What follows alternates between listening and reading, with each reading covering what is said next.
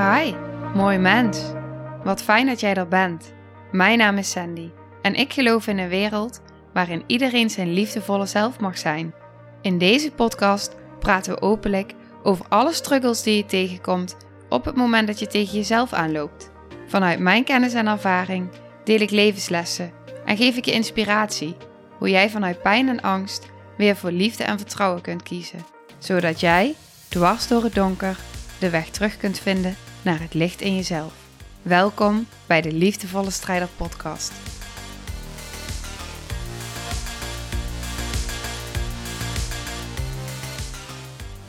Trauma is niet je fout, maar heling is wel je eigen verantwoordelijkheid.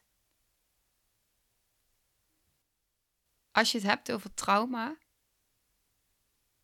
dan denk je vaak aan hele heftige gebeurtenissen, live events. Maar wat veel mensen niet weten, is dat er vaak al in je kindertijd, als baby, als kind, al trauma's ontstaan waar zoveel pijn in zit, waar geen herinneringen meer aan zijn, maar die zo opgeslagen zitten in jouw systeem. Want wat er gebeurt als baby, als baby heb jij nabijheid nodig. Als jij als baby binnen 48 uur geen aandacht krijgt, ga je dood. Een baby kan echte doodsangsten ontstaan. Verlatingsangst. En op het moment dat een baby huilt en hij krijgt dan aandacht of hij krijgt voeding, borstvoeding, waar ook heel veel suiker in zit, dan ervaart de baby dat de pijn wordt opgelost door, in dit geval de borst, suiker en nabijheid. En wat er dan gebeurt in het emotioneel brein van de baby, dat is jouw limbisch brein, dan wordt er eigenlijk al een soort van verslaving ontwikkeld door genot. Verslaving is eigenlijk een reddingsmechanisme, want stress maakt jou ziek. En je kan pijn verminderen door middel van een genotsmiddel, zoals aandacht, zoals voeding. Je hebt drie soorten breinen. Je hebt het emotionele brein, het limbisch systeem, je hebt het mensbrein en je hebt het oerbrein. Het overleven. Veel mensen hebben een soort van verslaving. Veel sporten, alleen maar werken, eten, alcohol, drugs, televisie kijken. Sommigen zijn sociaal geaccepteerd en anderen totaal niet. Sporten, werken, eten, televisie, alcohol, allemaal sociaal geaccepteerd, drugs niet. Maar wat is het verschil? Bij mij zijn ze allemaal voorbij gekomen. En uiteindelijk komt daar ook zoveel schaamte bij. Omdat sommige dingen wel geaccepteerd worden en andere dingen niet. En uiteindelijk draait het allemaal om het verminderen van pijn. Om overleven. En uiteindelijk ben ik me op het pad van heling gaan begeven. Zelfheling. En ook daarin heb ik zoveel verschillende dingen uitgeprobeerd. Dingen die sociaal heel geaccepteerd zijn, zoals een psycholoog. Dingen die minder bekend zijn, zoals een energetische sessie. En dingen die sociaal niet geaccepteerd worden, zoals in dit geval ayahuasca. Op het moment dat jij middelen neemt alcohol, whatever, dan ben je jezelf aan het verdoven. Van buiten naar binnen, pijn aan het verminderen. Ook met serie kijken, al de dingen die ik net opnoemde. En wat het verschil is met iets als een ayahuasca, is dat de heling van binnen naar buiten gaat. Je gaat een innerlijke reis door. Om te helen wat geheeld mag worden. In plaats van al die verslavingen het vermijden van, ga je er juist doorheen bewegen. Je gaat er niet van weg. Je gaat het niet verminderen. Je gaat het aan. Voordat ik de ayahuasca ging doen, kwam het op mijn pad, een jaar geleden. En ik hoorde er een podcast over en ik hoorde het proces van traumaheling bij die persoon. En het leek alsof iedere cel in mijn lichaam werd wakker geschud en zei: wauw, dat dit bestaat. Waarom gaan er jaarlijks zoveel mensen dood aan alcohol, aan, aan roken? En waarom is dat geaccepteerd? En waarom wordt heling niet geaccepteerd op deze manier? Terwijl het zo'n mooi, diep proces is. En ik ben me er meer in gaan verdiepen en ik ging er boeken over lezen en ik ging verhalen luisteren. En ja, het is intens, maar wat het je oplevert om door de pijn heen te bewegen, om te voelen, om je over te geven. Iedere cel in mij zei ja, dit, er komt een moment dat ik dit ga doen. En toen ik de podcast luisterde, toen gaf zij een e-mailadres en dat heb ik meteen opgeschreven. En vervolgens heb ik het ook weer losgelaten. En kort geleden, toen, dus twee, drie maanden geleden, toen zag ik op Facebook een berichtje. En ik zag foto's van een locatie en ik dacht, wow, dit is echt, dit is fantastisch, daar wil ik naartoe. En daar stond hetzelfde e-mailadres onder. En toen dacht ik, hé, hey, dit is het. Dit is een teken. Dit, dit, dit moet ik gaan doen. En voordat ik het ging doen, dacht ik, ik weet niet of ik dit ga delen. Juist omdat ik weet dat mensen die mij kennen dit gaan horen. En omdat het heel kwetsbaar is om te delen. En ergens ook een angst, wat gaan mensen ervan vinden? Maar ik heb nagedacht de afgelopen dagen. heel veel. En toen dacht ik, ja, maar welke mensen wil ik bereiken? Wat is mijn doel met mijn podcast? En dat is heling. Dat is liefde verspreiden. Dat is mensen die het nodig hebben, die soms juist een bepaalde boodschap moeten horen, die daar dan op resoneren, die dan weer een stukje in zichzelf kunnen helen. En mensen die daarbij passen, het zijn mensen die trauma hebben, mensen die gevoelig zijn, mensen die altijd maar doorgaan, die vechten, die vastlopen, die, die aan het overleven zijn, die emotioneel pijn hebben, mensen die vermijden, die naar die verslavingen neigen, die in angst zitten en die zo graag een verlangen hebben naar liefde, naar acceptatie, naar verbondenheid, naar vertrouwen naar het gevoel van dankbaar zijn, van waardevol zijn. Het zijn mensen die open-minded zijn en het zijn allemaal mensen die hierop resoneren. En toen dacht ik, dat zijn de mensen die ik wil bereiken. En dan denk ik, ja, misschien zijn er mensen waarbij dit kan helpen. Dus waarom zou ik dan niet mijn verhaal delen? Ik ben in iedere aflevering wel een keer ergens komt er een angst voor een oordeel. Ja, en aan iedere aflevering zit er weer iets heftigs in waarbij ik denk, oh jee, daar gaan we weer. Maar dan denk ik aan het hogere doel daarachter en dan denk ik, ja, dit is wat ik ga delen. Dus ik ga mijn verhaal met jullie delen. En ja, ik vind het spannend. Maar ik ga het wel doen. En waar ik mee wil beginnen is dat Bram en ik samen de keuze hebben gemaakt om dit te gaan doen. Om dit proces aan te gaan. En wij vonden het super spannend echt ontzettend spannend. We hebben twee maanden geleden hebben we een truffelceremonie gedaan op die locatie. Om te ervaren hoe het, hoe het was en hoe het voelde. En we deden die truffelceremonie en we voelden zoveel veiligheid in de, in de groep en bij de lichtwerkers. En we voelden ook allebei het mag dieper.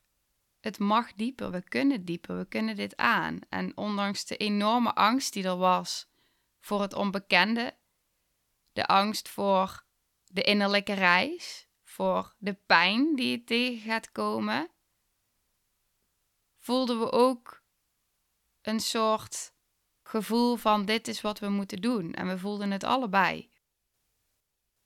Ayahuasca is een plantmedicijn.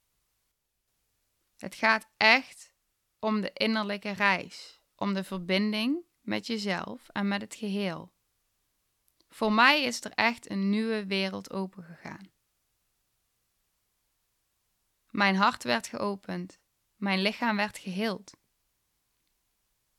Ik voelde me verbonden, gezien, geliefd.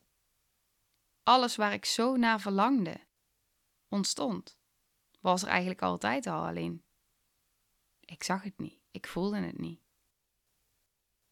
Nou, ik ga jullie meenemen je komt daar aan en het is een super fijne locatie. De mensen zijn heel vriendelijk en heel warm. En je voelt meteen gewoon een sfeer die zo ontspannen en zo fijn is. En steeds druppelen er meer nieuwe mensen binnen met wie je de ceremonie gaat doen. En iedereen is op zijn manier wel of niet zenuwachtig. Veel wel. het is natuurlijk ook super spannend.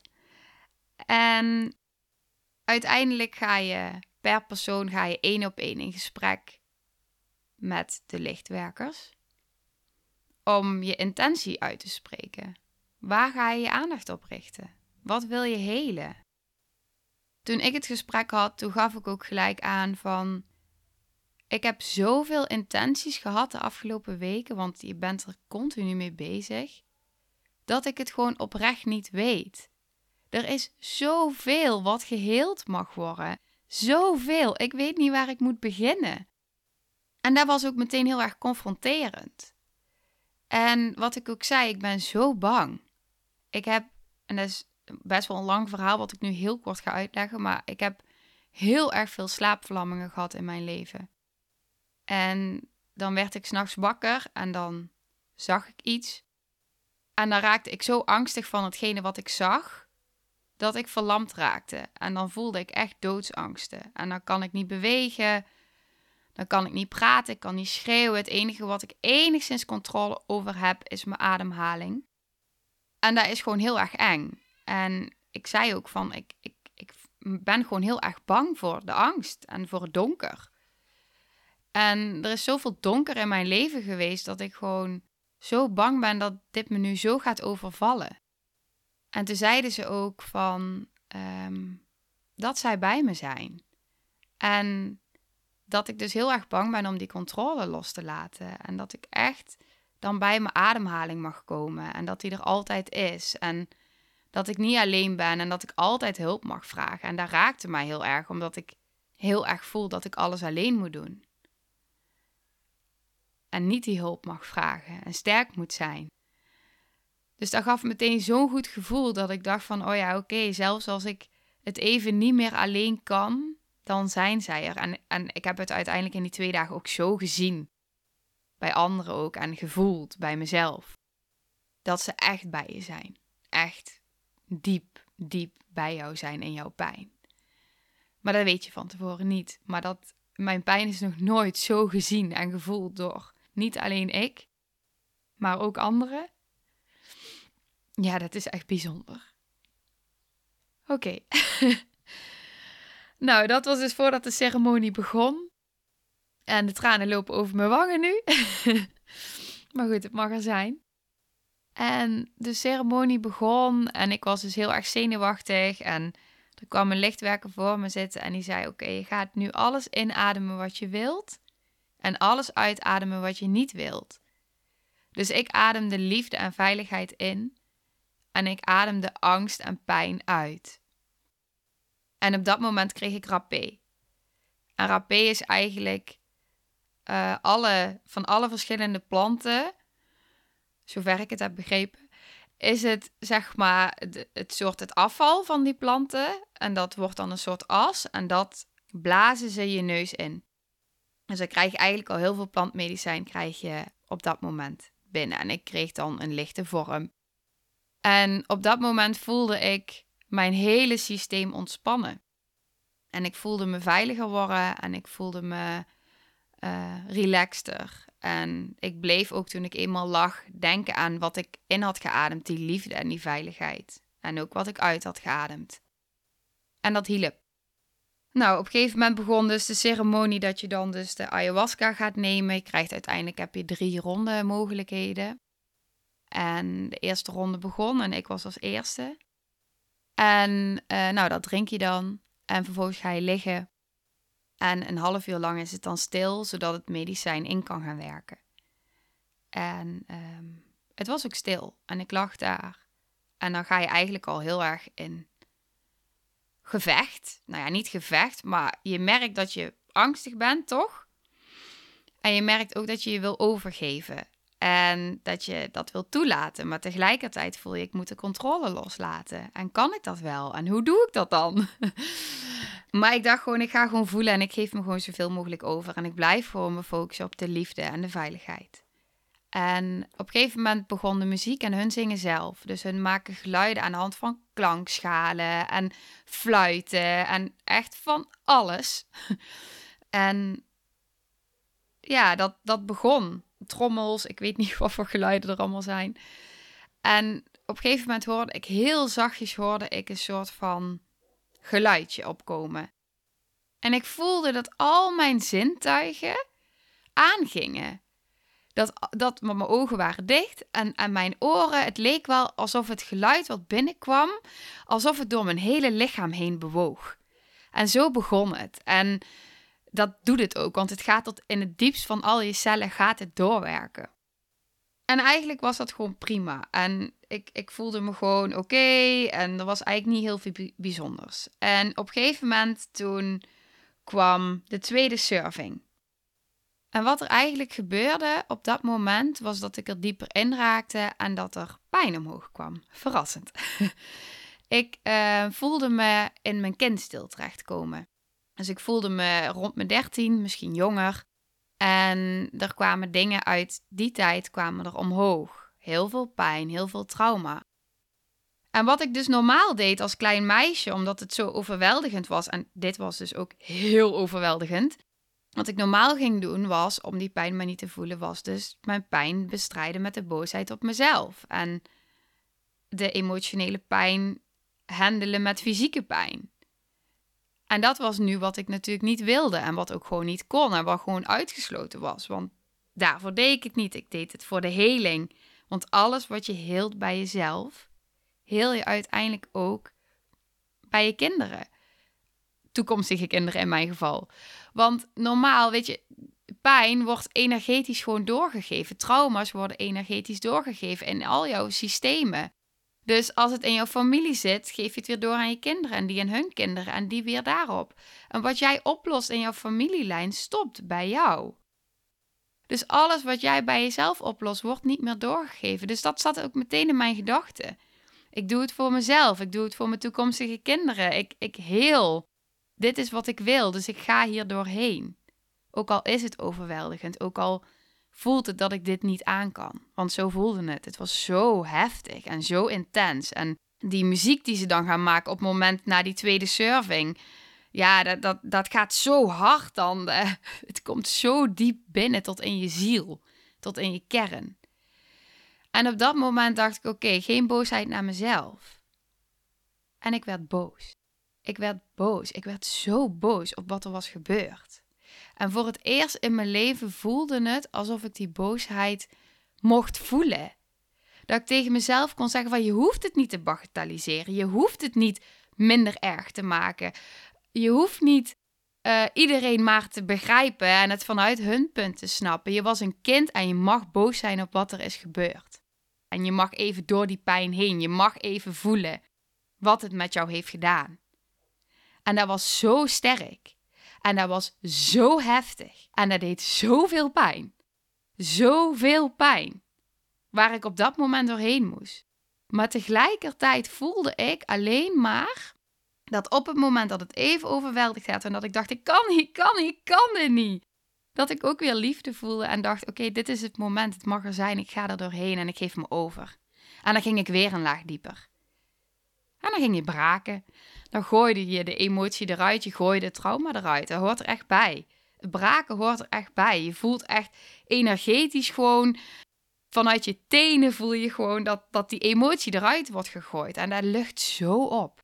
Dat is zo intens. En ik voelde ook dat juist dat, dat al die boosheid die ik op mezelf heb geuit, al die zelfhaat, de pijn werd enorm in mijn hoofd, in mijn nek, in mijn rug. Puur die emotie liet me al die pijn voelen die ik al die tijd zoveel heb gevoeld. En dat werd zo heftig. En op een gegeven moment kwam de derde surfing.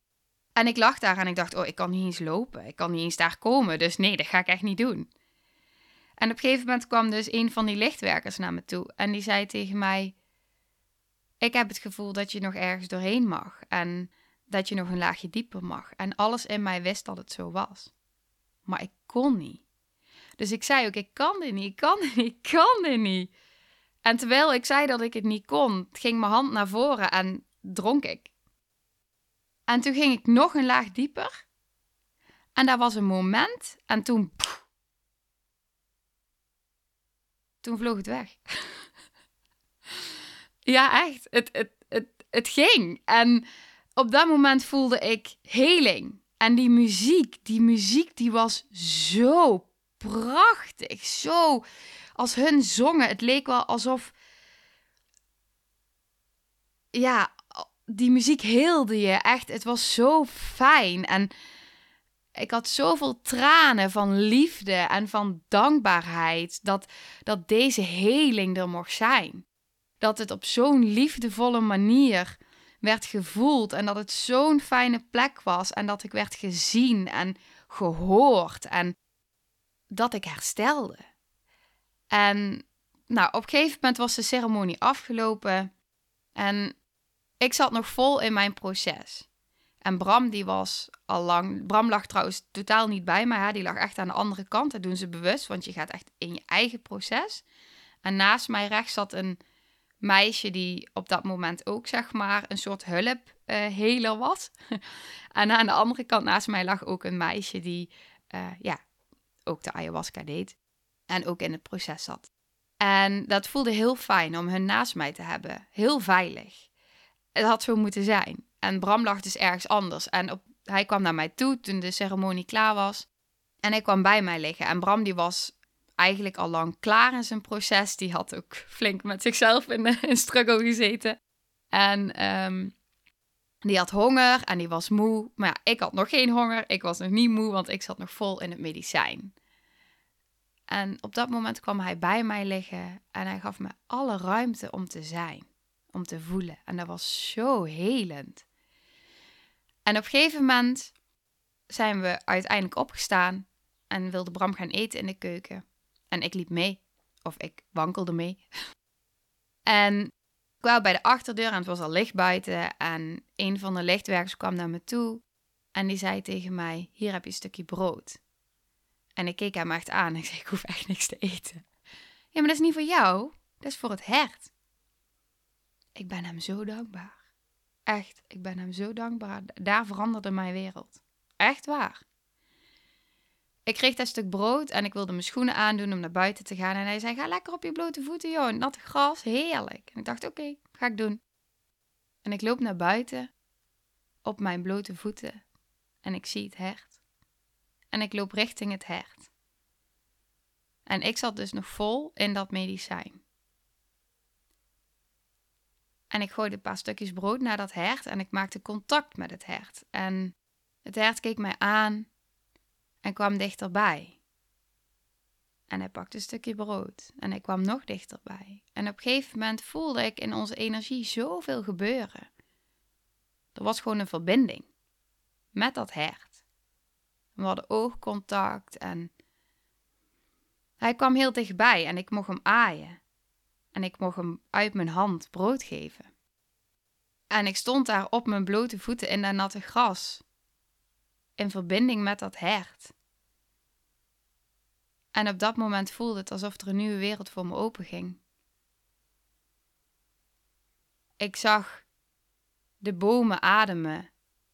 Ik zag het grasveld waar een soort van waas overheen hing met een paar een, een licht paarse kleur.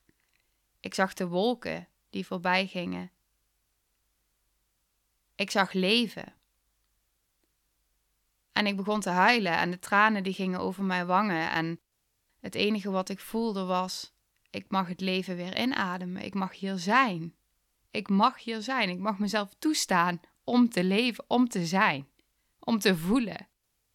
Ik verdien het. Ik ben het waard. En ik voelde me zo verbonden en zo dankbaar, zo dankbaar. Ik, de tranen hielden niet op omdat ik zoveel dankbaarheid en zoveel geluk voelde. En ik stond daar, ik heb daar zo lang gestaan. I am. Ik ben. That's it. In stilte. Maar zo, zo compleet, zo volledig. onbeschrijfelijk. Het voelde echt alsof ik, alsof ik leefde. En dat klinkt heel gek, want ja, tuurlijk leef je, maar dit, dit was zo'n sterk gevoel. En ik heb daar zo lang gestaan. En uiteindelijk kwam een van de lichtwerkers nog even bij me staan. En ik zei: Dit was echt precies wat ik nodig had. Dit was echt zo wat ik nodig had. En ja, eigenlijk zijn er gewoon geen woorden voor. Ik probeer het te beschrijven om het gevoel over te brengen. Dat is überhaupt dat hele weekend, die, die, die twee ceremonies. Maar woorden doen zo tekort aan, aan het gevoel. Woorden doen überhaupt zo tekort aan een gevoel. Hoe kun je aan iemand vertellen dat je, dat je verliefd bent die nog nooit verliefd is geweest? Diegene die dat nog nooit heeft ervaren, weet bij god niet waar je het over hebt. Hetzelfde met liefdesverdriet, hetzelfde met trauma. Je weet het pas als je het voelt. Dit moet je voelen om het te begrijpen. Je kan dit niet begrijpen. Dat zag je ook in de ceremonies. Mensen die het probeerden te begrijpen die met hun ego alles maar probeerden te analyseren. Ja, dat gaat niet. Het is niet te begrijpen. Sommige dingen zijn niet te begrijpen. Net zoals radiogolf niet te zien is. Net zoals elektriciteit niet te zien is, is energie ook niet te zien. Het is er. Nou, dag 2, nadat ik had geslapen, merkte ik dus ook dat het hert mij ook gewoon nog een aantal keer heeft opgezocht. En dat was echt, echt zo tof. Ik ga sowieso een foto op Instagram delen. Uh, op het moment dat je deze luistert, heb ik die al gedeeld. Van het hert. Want op het moment dat hij mij dus later opzocht, is Bram nog een keer naar binnen gerend om uh, snel uh, foto's te gaan maken daarvan. Maar dat eerste moment, wat ik net beschreef, dat, dat, ja, dat staat gewoon in mijn geheugen gegrift. Maar goed, dag 2 dan hoor je dus van iedereen de verhalen. En uh, er waren dus echt mensen die, die gewoon na de eerste ceremonie zeiden: We gaan naar huis. We gaan naar huis. Dit, is veel te heftig. Ik ga dit echt niet nog een keer doen.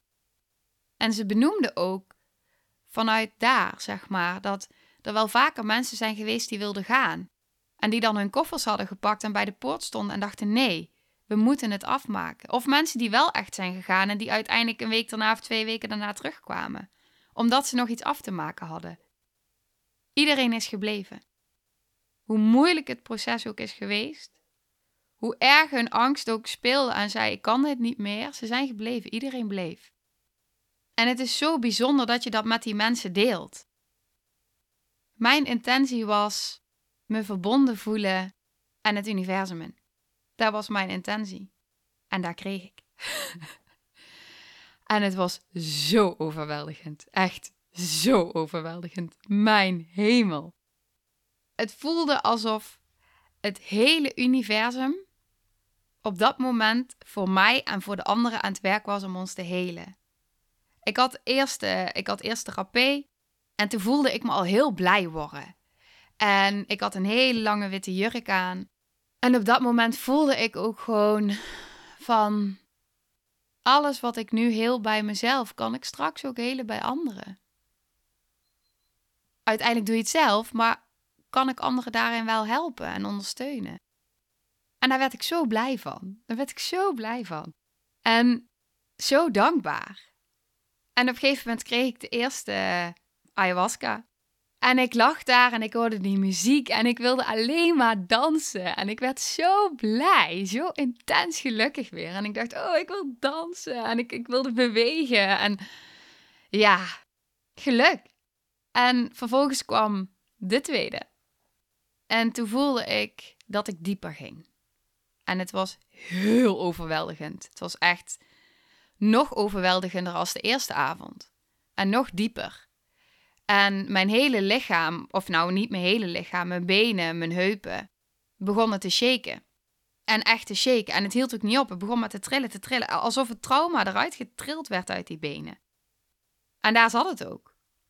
En het voelde alsof er nieuwe energie doorheen mocht stromen. En op momenten dat het overweldigend werd, dan begon ik te braken. En dan ging er weer een stukje uit.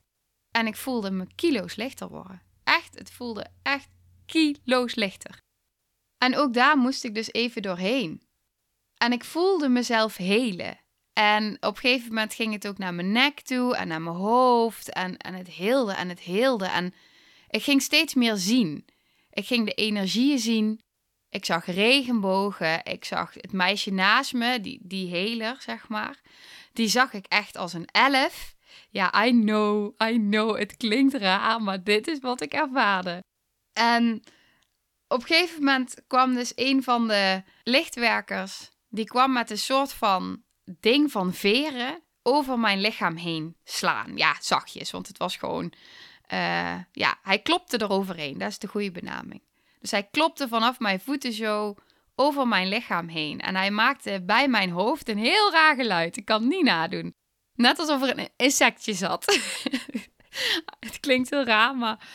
En ehm, op dat moment voelde het letterlijk alsof ik in het universum was en het hele universum voor mij aan het werk was om mij te helen. En op dat moment voelde ik alleen maar me gedragen, verbonden en het voelde dat het universum er altijd is en dat je het niet ziet, maar het is er wel.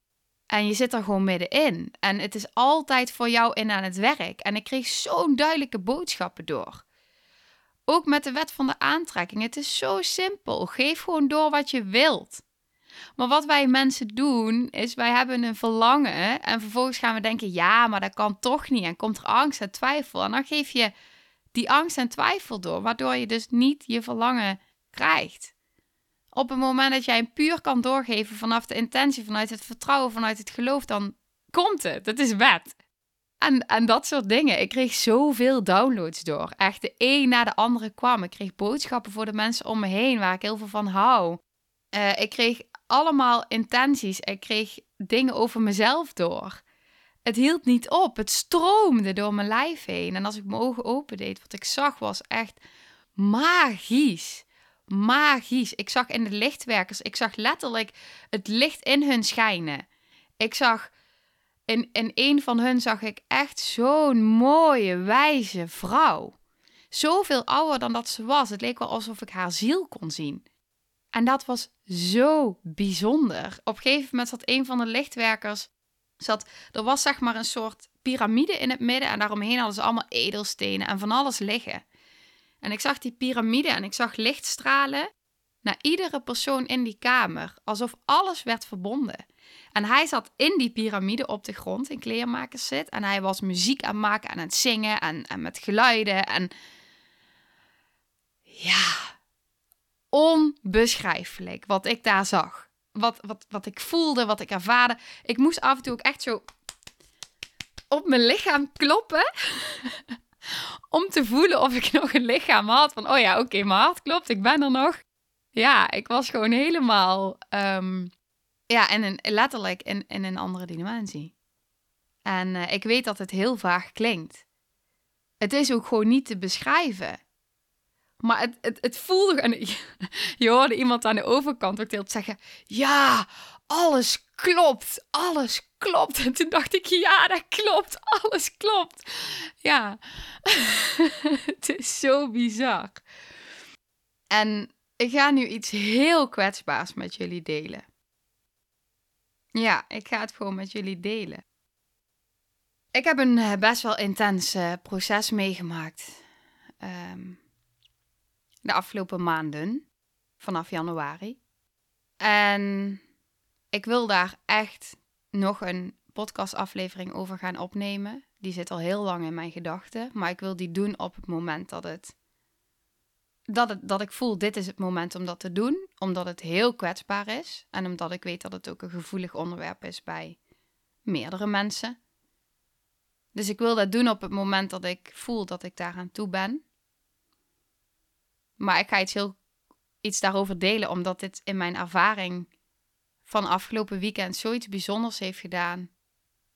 Ja, dat ik dit gewoon graag wil delen. Ik heb een miskraam gehad, zeer recent. En ik had heel erg het gevoel en de wens om het zieltje te mogen ontmoeten. En ik heb ook continu gevoeld dat dat moment een keer ging komen. En ik wist niet of dat tijdens mijn leven kwam of na mijn leven. Maar ik heb continu gevoeld, er komt een moment en dan ga ik het zieltje ontmoeten. En in de tweede ceremonie zag ik op een gegeven moment een energie. En ik kan het niet anders uitleggen dan dat ik een energie zag met allemaal kleuren. En ik wist gewoon, dit is ze. Dit is ze. Dit is het kindje. Dit is ons kindje. Wat het niet heeft gered. En toen ik de energetische sessie had met mijn lerares, dat heb ik dus nog niet in die aflevering gedeeld toen. Maar toen zei mijn lerares tegen mij, want toen zat ik nog midden in de miskraam. Toen was het nog niet losgekomen, maar ik wist wel dat het overleden was. Toen zei mijn lerares tegen mij dat het kindje haar leven had gegeven om mij te helen. En dat was precies wat ik doorkreeg in de tweede ceremonie. Dat ze haar leven had gegeven om mij te helen en dat ze zo gelukkig was daar. En dat het allemaal goed was. En dat was zo bijzonder. Dat was zo helend. Dat was zo mooi. Ja. Echt prachtig. En ik kreeg ook aan de hand daarvan kreeg ik nog uh, hele mooie dingen door. Over wat er komen gaat. En uh, dat hou ik nog even voor mezelf. Maar uh, dat was zo bijzonder. En um, ja, het, het was magisch. Conclusie. Het was magisch. Er zijn gewoon geen woorden voor. En uh, ook dit is gewoon niet te beschrijven. Niet meer te beschrijven dan dat ik nu heb gedaan. En wat dus heel erg mooi was, en, en daarom wil ik mee afsluiten. Op een gegeven moment was de ceremonie dus weer klaar. En Bram kwam niet naar mij. En ik dacht, volgens mij is het tijd dat ik naar Bram toe ga. Want volgens mij zit Bram ook nog even in een proces. En uh, daar zaten we allebei nog. En ik ging bij hem liggen. En op een gegeven moment uh, zaten we recht tegenover elkaar. En uh, hij heeft trouwens een hele andere ervaring gehad als ik. Hij was zo schattig. Hij was echt zo schattig. Hij, hij zat ook in een proces en hij was er op een gegeven moment ook helemaal klaar mee. En hij wilde eruit. En hoe hij dat tegen mij vertelde. En hoe, die, hoe het echt als een, als een soort van... Ja, bijna een, een, een lief kind ook. Die probeerde om te ontsnappen aan de pijn. aan, te ontsnappen aan het overweldigende. Hoe die dan probeerde om bij een van de lichtwerkers een, weg naar buiten te vinden. Ja, dat gaat niet. Je moet er doorheen. En hij was beide aan het vertellen. En dat was zo lief en zo kwetsbaar. En op een gegeven moment zaten we tegenover elkaar. En ik had mijn hoofd op zijn, op zijn schouder liggen. En hij had zijn hoofd op mijn schouder liggen. En we zaten om elkaar heen en het voelde alsof onze energie samensmolt.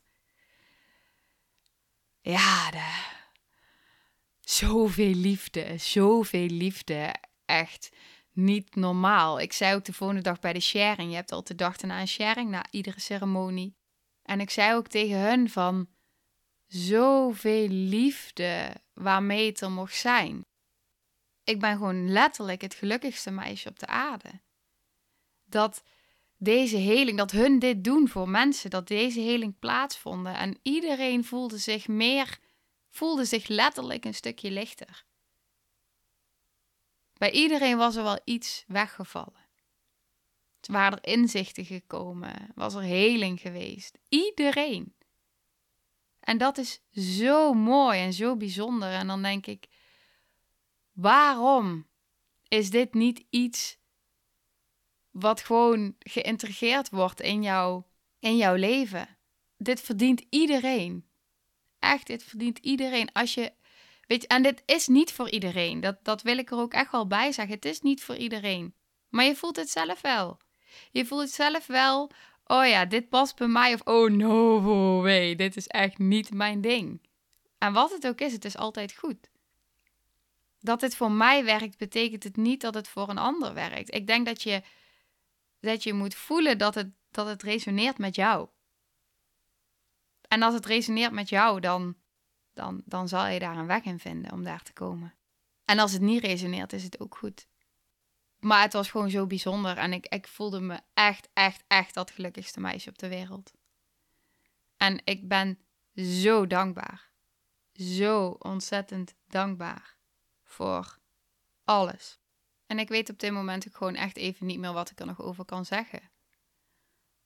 Alleen dat ik het heel erg zou waarderen als je me laat weten ja, wat het met je deed. Juist ook omdat het zo kwetsbaar is vanuit mij, is het gewoon heel erg fijn om dan terug te krijgen van anderen.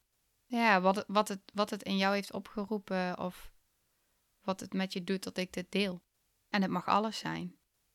En ik vind het spannend om deze aflevering te plaatsen. Maar ik kies zo voor liefde en vertrouwen en ik deel dit zo vanuit liefde. Dat ik me niet kan voorstellen dat daar geen liefde uit terugkomt. En als dat wel zo is, dan ben ik maar een wappie. maar dan ben ik wel een wappie die een boodschap overbrengt waarvan ik weet dat het sommige mensen zal bereiken die zo deze heling ook verdienen. En daar wil ik heel graag door sommigen een wappie voor gevonden worden. Want iedereen, iedereen die rondloopt met deze pijn, met dit verdriet, die het af en toe ook niet meer weet, die verdient het. Die verdient het om, om op deze manier begeleid te worden. Om die innerlijke reis te mogen maken in een veilige setting. Waar alles er mag zijn, waar jij er helemaal mag zijn met al je pijn. En er is geen betere plek dan hier. Dat weet ik niet, maar ik weet wel dat deze plek gewoon zo goed voelde. En mocht je daar meer over willen weten, je mag me altijd een berichtje sturen. En ook wil ik je echt adviseren, mocht je die interesse voelen, lees even de beschrijving bij deze aflevering. Verdiep jezelf in het medicijn. Zorg dat je jezelf goed informeert. En lees echt even wat ik bij de beschrijving heb geschreven. Want er staan wel belangrijke dingen in. En dan eindig ik deze aflevering in heel veel liefde. Nou, lieve mensen, ontzettend bedankt voor het luisteren. Ik ben heel benieuwd wat je van de aflevering vond en welk inzicht je eruit hebt gehaald. Mocht je nog vragen hebben of is er een onderwerp waar je meer over wilt weten, laat het me dan weten. En wie weet neem ik het mee in een van de volgende afleveringen. Als je het leuk vindt, kun je de aflevering delen. Of maak een screenshot en tag me op Instagram. Want ik vind het echt super tof om te zien wie er luistert. De link van mijn Instagram staat in de beschrijving bij de podcast. En wil je blijvend geïnspireerd worden? Klik dan op abonneer of volgen in de podcast-app waarmee je luistert. Dat zouden ik en alle toekomstige luisteraars enorm waarderen. Want dat zorgt er namelijk voor dat de podcast beter gevonden wordt. Nogmaals, dankjewel voor het luisteren en heel graag tot de volgende aflevering.